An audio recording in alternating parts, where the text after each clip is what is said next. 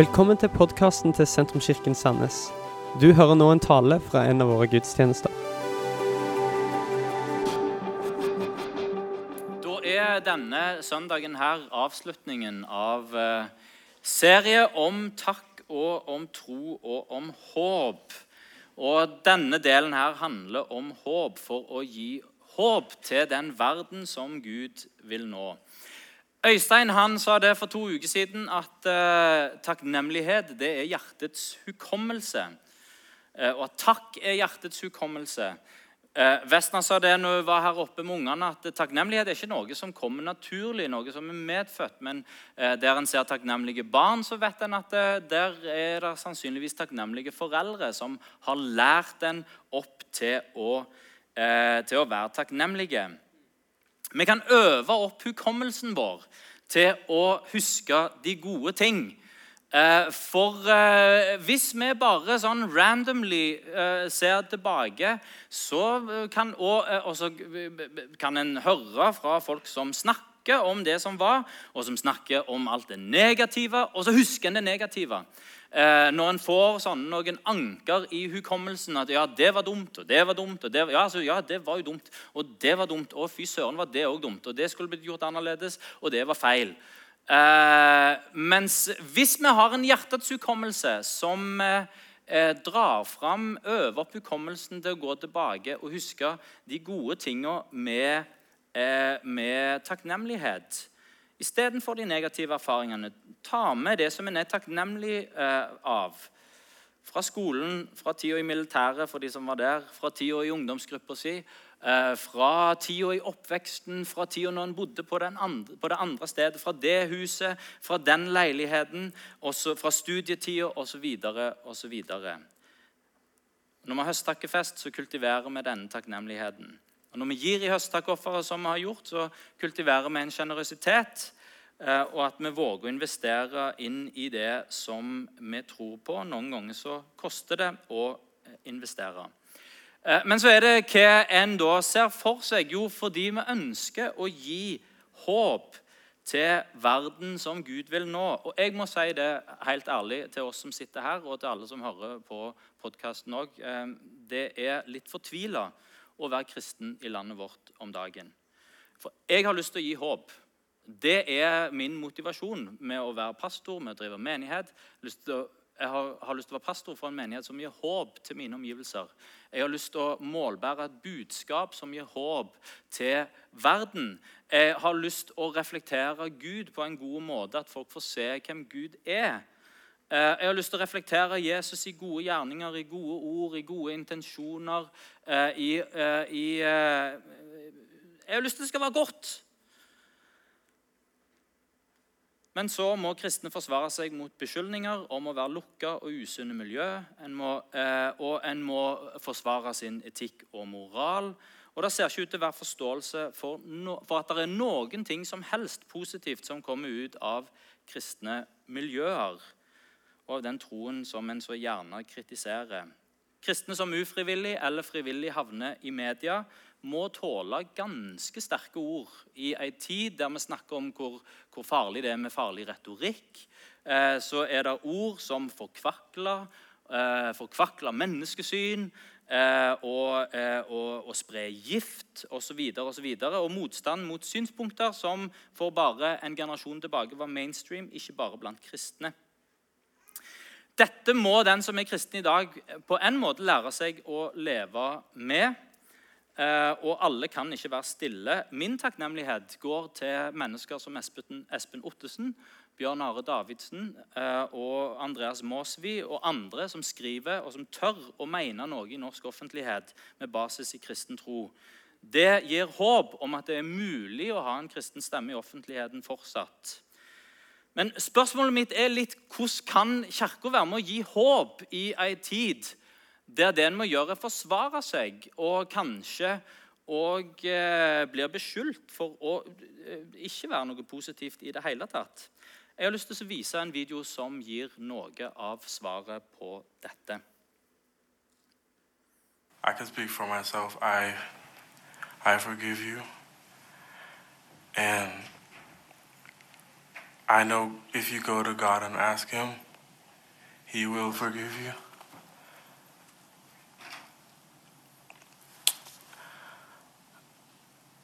And I don't think anyone could say it.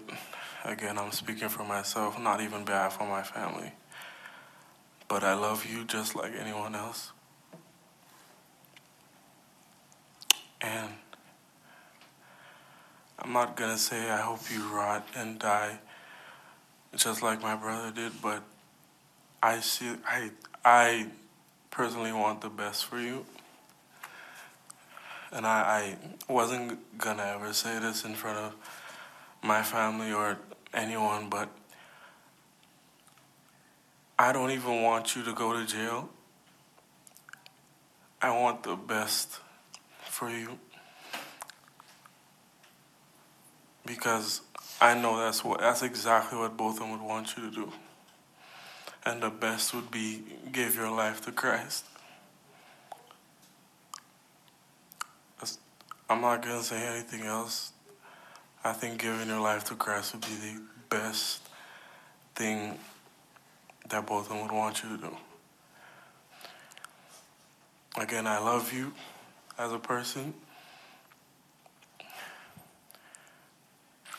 And I don't wish anything bad on you.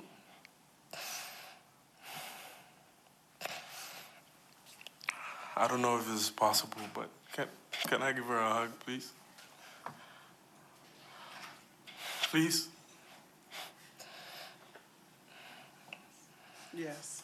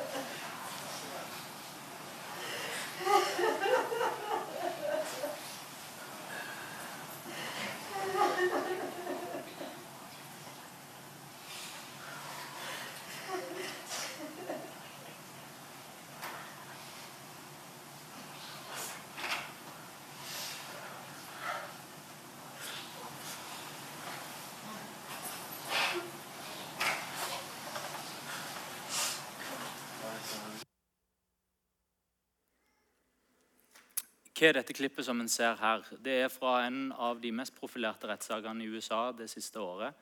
Eh, en kontroversiell sak hvor der i forkant eh, hvor, eh, hvor folk fra familien mener at i forkant av denne rettssaken så er det blitt fjerna bevis, og det har blitt eh, endra på åstedet. Politiet har blitt beskyldt for korrupsjon i forkant av denne rettssaken, som handler om eh, om bror til han som vi så her, som har blitt drept, eh, og eh, den dama som vi så, som står tiltalt for mord, som da, eh, som da som da selv, eh, som, som, som gikk inn i sin leilighet og som så en person i sin leilighet og som trakk våpen og skjøt. Og Så viste det seg i etterkant at det var ikke hennes leilighet, det var naboen sin leilighet. Og Det som da skjer i denne her rettssaken, som har blitt dekka, dekka godt eh, og mye eh, Det var ikke et utgangspunkt for å spre håp i det hele tatt. Men den 18 år gamle Brant Jean, en tenåring, som ikke hadde eh, broren til han som ble drept, som ikke hadde planlagt å si noen ting eh, Han visste ikke at det var kamera på heller. Eh, han bestemte seg i siste øyeblikk for å si noe fra sitt hjerte. Og hans modige vitnemål det berører en hele verden. Det berører oss her, og det sprer håp. Det er håp om tilgivelse, det er håp om en ny begynnelse. Det er håp om nytt liv, om nytt liv, det er håp om forsoning, det er håp om frelse. Eh, og Faren hans ble intervjua i kirka deres etter rettssaken, og han sa min sønns modige handling den har berørt òg meg. Og Det at min sønn tilga, det gjør at jeg sjøl vil prøve å tilgi. Og jeg vil prøve å opprette kontakt med kvinner som tok livet til min sønn. Brant Jean så tilbake på- broren og så det som betydde mest for broren, med takknemlighet. Eh, Og han gjorde det veldig klart og tydelig hva som var hans motivasjon for å gi tilgivelse og kjærlighet det var Jesus. Det var Jesus som betydde mest for min bror. Det beste du kan gjøre med livet ditt, det å gi ditt liv, og som du kan gjøre for min avdøde bror, det er å gi ditt liv til Jesus. Jeg tilgir deg. Jeg vil deg ikke noe ondt. Jeg vil ikke engang at du skal gå i fengsel. Jeg vil det beste for ditt liv. Og så gir han en gave. Han gir mer enn tilgivelse. Og gir da denne klemmen og lar tilgivelsen få lov til å bli noe konkret. Og så spres videoen over hele verden, og så er det med og gir håp. Håp om nytt liv, håp om forsoning, håp om tilgivelse. Hvordan har denne tenåringen fått dette med seg? Denne tenåringen her kommer fra ei kirke som har forstått hva evangeliet er for noe. At Evangeliet handler ikke om et sett med leveregler. Evangeliet handler ikke om hvordan ei kirke skal se ut. Men evangeliet det handler om forsoning. Det handler om nytt liv. Det handler om tilgivelse, det handler om nåde. Det handler om, handler om lange armer som klarer å bre om seg, og som klarer å gi nåde og tilgivelse. Og han ga det videre ikke bare med ord, men gjennom denne kvelden. Kvelden. Klemmen. Hvordan kan vi være med og gi håp gjennom kirka? Vi skal se på en nydelig tekst fra Kolosserbrevet. Eh, og Kolosserbrevet er fullt av takknemlighet, eh, og det er, eh, det er et meget, meget kjekt brev. Det begynner med at Paulus sier vi takker alltid Gud når vi ber for dere. For en deilig måte å be på. Eh, når du ber for noen, og så, når jeg ber, så takker jeg Gud for den personen. Eh, og, og Paulus han drar det enda litt lenger. Han sier jeg takker alltid Gud eh, når jeg ber for dere. Og ifra Kolosserbrevet 1, vers 16-23, og vi får det opp på skjermen òg. Han er den usynlige Guds bilde, den førstefødte før alt det skapte. For i Han er alt blitt skapt, i himmelen og på jorda, det synlige og det usynlige, troner og herskere, makter og åndskrefter. Alt er skapt ved Han og til Han. Han er før alt, og i Han blir alt holdt sammen. Han er hodet for kroppen, som er kirka. Han er opphavet, den første eh, fødte fra de døde, så han i ett og alt kan være den fremste. For i han ville Gud la hele sin fylde ta bolig, og ved han ville Gud forsone alt med seg sjøl, det som er på jorda og det som er i himmelen, da han skapte fred ved hans blod på korset. Og dere var en gang fremmede og fiender av Gud i sinn og tanke med de onde gjerningene deres. Men nå har han forsona dere med seg når Kristus lei døden i sin kropp av kjøtt og blod. Hellig, uten feil og uangripelig vil han føre dere fram for seg. Dere må bare bli stående i troen, grunnfesta og stødige, uten å la dere rive bort fra håpet som evangeliet gir. Og evangeliet har dere hørt, for det er blitt kjent for alle skapninger. Eh, under himmelen, og jeg, Paulus, er blitt en tjener for det. Det håpet som evangeliet gir Evangeliet er det som gir håp. Når Kirka skal gi håp til den verden som Gud vil, eh, vil nå, så handler det om at vi eh, tror på, forkynner og forstår hva evangeliet er for noe, og at vi omfavner det. Eh, vår tid prøver å gjøre Jesus liten. Og En tar gjerne Jesus til inntekt for eh, enhver rådende mening. Eh, og, og, Dette har du kanskje hørt meg eh, sagt før, men det er jo interessant at både en sosialist og en kapitalist kan si Sosialisten sier at Jesus var den første sosialist. Kapitalisten sier at Jesus var den første kapitalist. Og Så leter en etter ord fra Jesus som passer inn med det som en sjøl eh, det som en sjøl mener. Og så må jeg si Det er en litt sånn stusslig Jesus som til enhver tid må tilpasse seg den rådende meningen. Jesus i evangeliet han framstår ikke sånn på noen som helst måte. Han skaper furore med det som han sier. Han skaper entusiasme med det som han sier, og han skaper etterfølgelse og noe nytt med det som han sier. Han sier ting som 'Dere har hørt det sagt, men jeg sier dere'. Eh, eh, eh, og, og, og, så, og, så, sier han ting som at himmel og jord skal forgå, men mine ord skal aldri i evighet forgå. De er evige, og de kan en bygge livet sitt på, for de er uforanderlige.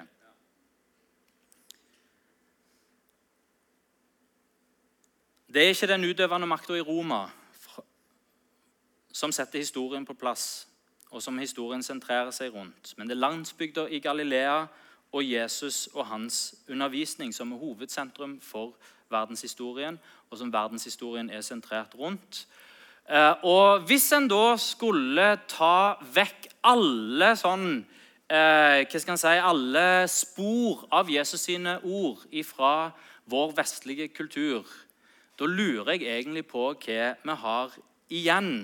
Det er en historiker som heter Tom Holland. Han, han mener at uh, alle i, uh, i, Vesten, alle vestlige mennesker er kristne på en eller annen måte. Det betyr ikke noe om du er, om du er aktiv kristen, om du er navnekristen, om du er ateist, om du er humanetiker, om du er agnostiker. Er du vestlige, da er du kristen, ifølge Tom Holland. Eh, for alle drar sitt verdensbilde fra den samme kilden. Alle bygger sin etikk på den samme kilden, og den er fra Jesus. Men i vår tid så er likevel Jesus skjøvet ut i periferien.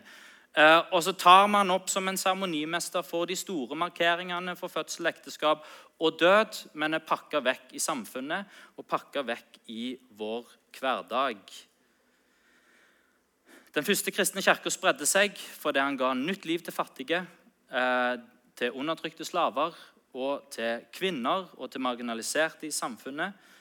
Eh, men det var ikke bare derfor. Kristen tro spredde seg òg fordi den ga mening til høykompetente mennesker, til samfunnstopper og til rike som fant ut hva de skulle gjøre med livet sitt. Fattige mennesker trenger håp for det materielle Rike mennesker trenger eksistensielt håp og håp for livet. Å bli kjent med Jesus gir håp for begge deler. Her får vi se at Jesus han er bildet av hvem Gud er. Vil du vite hvem Gud er, slå opp i evangeliene. Der vil du finne ut hvordan Gud vil møte et menneske. Vil du vite hva Gud har lyst til å si til menneskeheten, slå opp i evangeliene. Der vil du finne Guds ord, for han er bildet av hvem Gud er. Lurer du på hvordan Gud vil møte deg, slå opp i evangeliene og se hvordan Jesus møtte mennesker. Så vet du hvordan Gud vil møte deg, og hva som er viktig for han, og hva han er opptatt av. Han er ikke bare bildet av hvem Gud er, men han er bildet av hva det vil si å være et menneske. Den første og den førstefødte av de døde. Paulus kaller Jesus for den andre Adam, den første av et nytt menneske. Et bilde eh, av hva det vil si å være et menneske uten menneskets iboende synd og opprør og fiendskap mot Gud og liv ut av kurs. Jesus er menneske sånn som det skal være. Og så ser vi her fra begynnelsen av Kolosserbrevet at skaperverket og Jesus det henger sammen. Eh, og det er her første, det første punktet her. Vi er forma av Han. Vi er skapt av Han. Mennesket som oppdager sin hensikt med livet, får håp. Du er skapt av Han, og du er skapt ved Han, og du er skapt til Han. Når vi får forståelsen av, eh, av skapelsen, så, der, så, gir det mening til livet vårt. Finne vårt formål med livet, det som er meninga med livet. Meninga med livet er ikke det som du gjør det til. Der fins et formål som vi kan oppdage, og det fins der allerede ifra skapelsen. Ethvert menneske er forma med et formål. Å forstå Jesus er òg å forstå skapelsen. Å forstå skapelsen handler ikke om å ha sterke meninger om hvordan det skjedde. Det er ikke nødvendig å gå dypt inn i de vitenskapelige spørsmål for å mene noe om skapelsen. Gjennom skapelsen og uh, gjennom å forstå skaperverket så forstår vi formålet med å være menneske. I det så finner en arbeid, en finner hvile, en finner relasjon, en finner, finner ekteskap og familieliv, en finner seksualitet. Eh, og alt det kan være med, er med og gir et menneske mening og formål. Og så er vi skapt ved Han Skapt av han, og vi er skapt ved han. Skapt gjennom Guds ord. Johannes sier om Jesus at i begynnelsen var Ordet, Ordet var hos Gud, og Ordet, og ordet var Gud. Og så, litt senere Ordet ble menneske og tok bolig iblant oss. I første Mosebok så leser vi at Gud sa, og det ble lys. Alt er skapt ved Han, ved Hans ord. Og så er det noe mer òg. Det er skapt til Han. Skaperverket er ikke bare skapt av Jesus og ved Jesus, men skaperverket er skapt til Jesus. Og Det er kanskje det viktigste formålet med det å være menneske. For vi vil oppleve forvirring, en vil oppleve som menneske usikkerhet, eksistensiell ensomhet og til tider kanskje òg meningsløshet og rotløshet.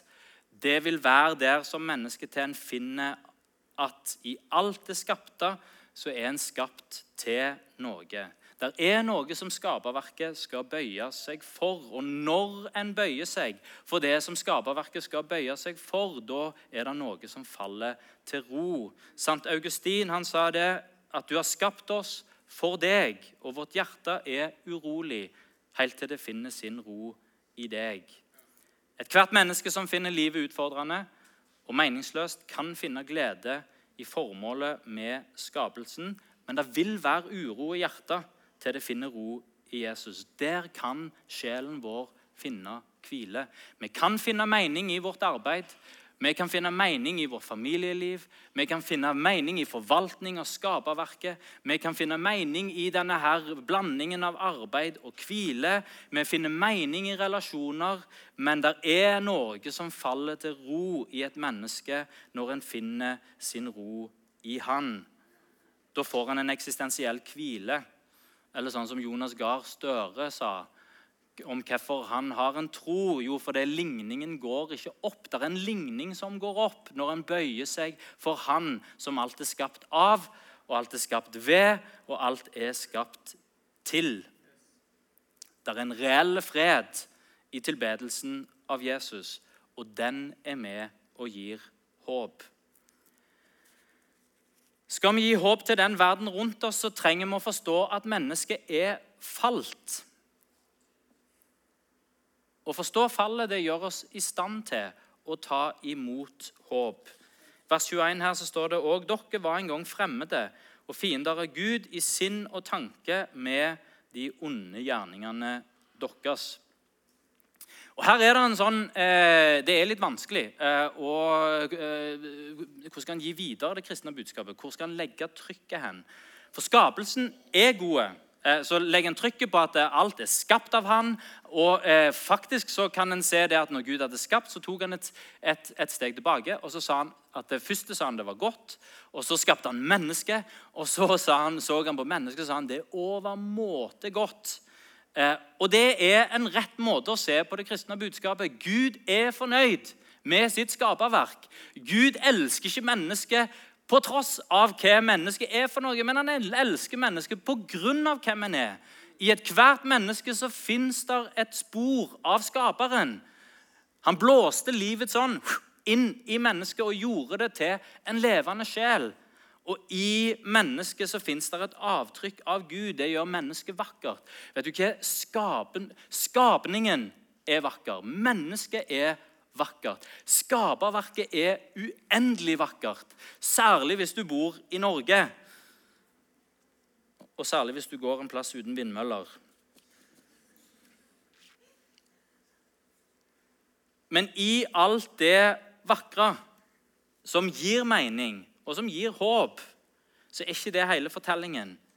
En annen del av menneskets fortelling er fallet. Mennesket er ikke bare skapt, ikke bare formet med, for, eh, med et formål, men mennesket er òg falt. Og Hvis vi ikke forstår fallet, så forstår vi heller ikke oss sjøl. Og De aller fleste mennesker har funnet et godt formål med livet sitt. Innrette livet sitt etter det, etterjage det. Og så finner en ut lenger ned i gata at det var jo ikke så enkelt. For i veien for oppnåelsen av de gode tingene som en ønsker, så er det noe som står i veien. Vi kommer til kort. Og Da har mennesket to valg. En kan enten se innover i seg sjøl, eller så kan en se utover på andre. Eh, og jeg tror kanskje at vi har en tendens til å gjøre det, det siste der først. Og se utover sjøl. For det er alltid mye behageligere å sette eh, og liksom sette skylden en annen plass enn på seg sjøl. Da kan en skylde på miljøet, da kan en skylde på kulturen, da kan en skylde på oppveksten, en kan skylde på folka rundt seg osv. osv. Der mennesket, meg sjøl, er uskyldig og rent, men jeg har blitt gjort korrupt av samfunnet rundt meg. Mens det første her det handler om å se innover og finne ut at problemet er meg. Den danske lektoren Søren Søberg Poulsen han skrev i 2016 på dansk 'Giv mig synden tilbake'. Hvorfor? For hans observasjon i prestasjonsprega miljø på videregående skole var, og sikkert er fortsatt, at unge mennesker ikke har noen forklaring på hvorfor de ikke får toppkarakterer på skolen. Sekseren er det som er, det er, det som er oppnåelig. En skal få sekseren. Men når en ikke får sekseren, så er det ingen forklaringsmodell. Jeg har jo jobba så mye, jeg har jo gjort mitt beste. Og alt jeg har lært som menneske i dette samfunnet, er at hvis du gjør ditt beste, hvis du gjør så godt du kan, ja, men da får du det til. Og så har en ikke noen forklaringsmodell for å forklare at jeg fikk bare en firer, selv om jeg gjorde så godt jeg kunne. Og han sier, 'Gi meg synden tilbake'. For når mennesket ikke lenger er fallent og syndig og uperfekt, da er budskapet du kan nå dine drømmer. Alt er mulig. Sikt høyt. Et drømmesamfunn der det å nå drømmene det er innenfor rekkevidde. Og Så får vi fortelling etter fortelling som underbygger at det er sånn. Og, bortes, og Vekk er det uperfekte mennesket som mislykkes. Vekke er meg, arme, syndige menneske som har krenka Gud i tanker, ord og gjerninger og kjenner lysten til det onde i mitt indre. Og Kanskje er det bra at det er vekk òg. For det er mye bra i at en har løsrevet seg fra en destruktiv måte å se mennesket på. For Gud så på skaperverket og sa det er overmåte godt. Og han så på skapingen, skapningen og mennesket og sa det er overmåte godt. På en rar måte så mener lektor Paulsen at forståelse for fallet gir håp for mennesket fordi det forklarer menneskelivet på en måte som mange kjenner seg igjen i. Vi trenger å forstå at verden ligger i det onde. Fallet har konsekvenser for alle sider av livet. Guds formål med livet er skada.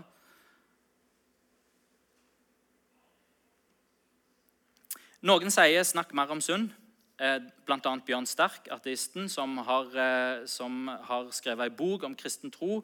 Eh, en innføring for kristen tro til sekulære mennesker. Han mener at vi må snakke mer om synd fordi det gir befolkningen et, et språk for noe som alle opplever, men som en ikke snakker om lenger. Andre mener at vi må snakke mer om synd fordi vi skal avsløre synd, og fordi moralen i samfunnet er, på, det er liksom utglidende. Så er det andre igjen som sier vi må snakke mindre om synd fordi med synd så blir det også snakk om dom og dårlig samvittighet. Og så presser en mennesker vekk fra Gud, og så presser en mennesker vekk fra kirka i sjølforakt over ikke å være god nok. Jeg tror at begge har rett. Jeg tror vi trenger å snakke mer om synd. Og så tror jeg vi trenger å snakke mindre om synd. Kanskje det viktigste er at, Eller det vi egentlig trenger å gjøre, at vi snakker rett om synd. Vi tenker så fort at synd er å bryte etter buda. At en har en sånn liste. Her er lista over de forbudte ting. Ikke gjør det, ikke gjør det, ikke gjør det. ikke gjør det. Og når jeg har gjort en av de forbudte tingene, da har jeg synda. Og en er på en måte en slags åndelig lovbryter. Og I vår offentlighet så i, i dag så, så reagerer folk sterkt på ordet synd. Hvorfor? Fordi en har dette synet på synd, at en er en slags lovbryter. Hvis du kaller meg for synder, da degraderer du meg som menneske. En tenker ikke at det er en iboende skade i alle. Vi trenger å komme tilbake til hvorfor Paulsen vil ha synden tilbake. Det er ikke for å ha en liste med lovbrudd, som en skal snakke om. Men det er for å gi oss et språk for det som vi alle sammen opplever. At i meg sjøl så klarer jeg ikke.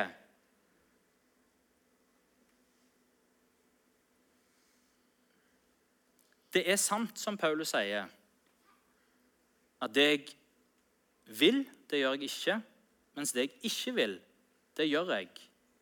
Det er en rett beskrivelse av livet sånn som alle opplever det. Ikke alltid, men noen ganger. At jeg vet hva jeg vil, men så er det bare sånn at det som jeg vil, det gjør jeg ikke. Mens det jeg ikke vil, det gjør jeg.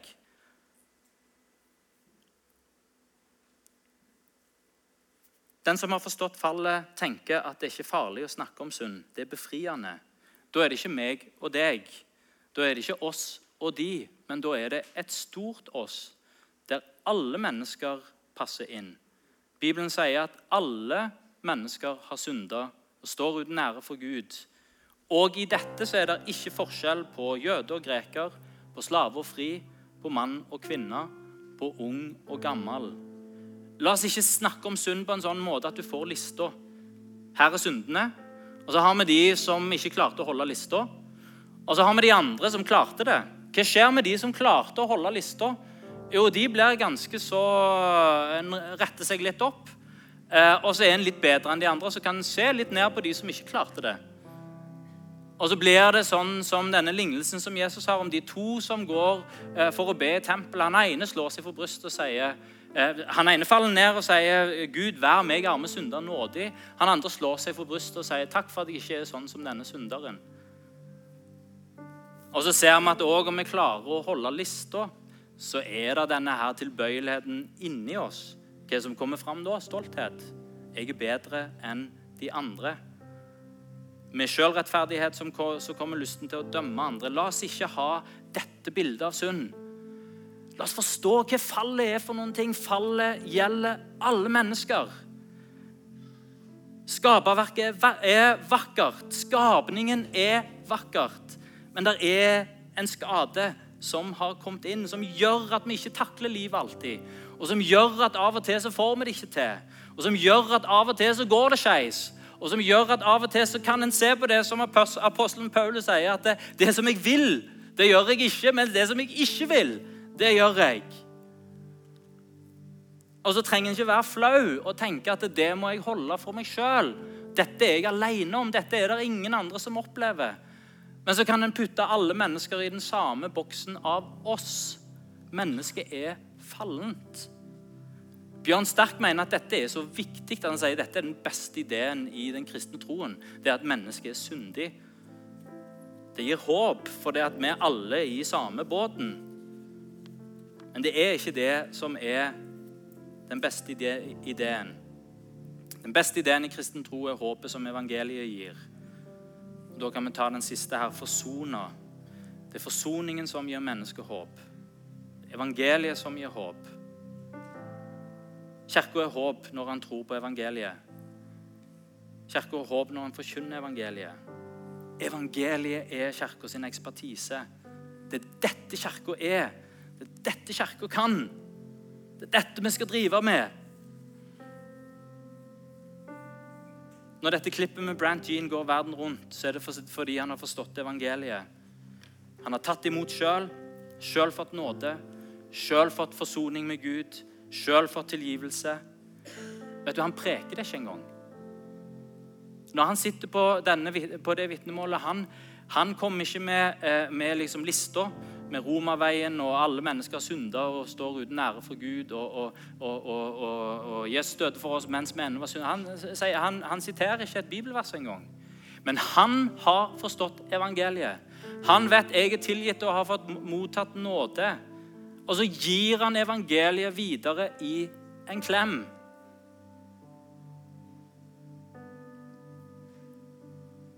Og Amber Geiger blir både oppfordra til å søke Jesus, til å tro på han.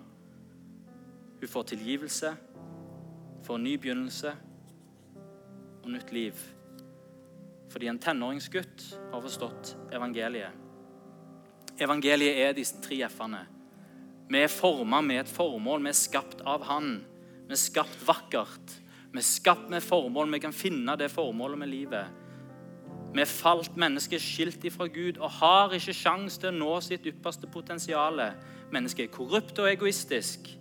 Verden ligger i det onde og kan ikke frelse seg sjøl. og kan heller ikke frelse verden. Men så ligger vi ikke der. Mennesket er forsona med Gud, ikke ut av sine egne gjerninger, men han har forsona verden med, med seg gjennom Jesus Kristus. Han som er den første, han som alt er skapt ved og til og for. Forsoningen gir håp i møte med livet. Forsoningen gir håp i møte med døden. Forsoningen gir håp for våre relasjoner.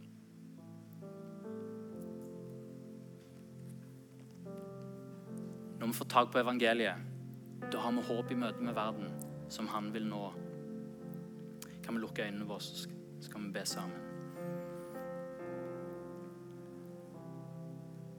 Takk, Herre Jesus, for det at du er håp til verden. Takk at du er lyset som skinner i mørket. Takk at du er byen som ligger på et fjell og, som, og som ikke kan skjules, Herre.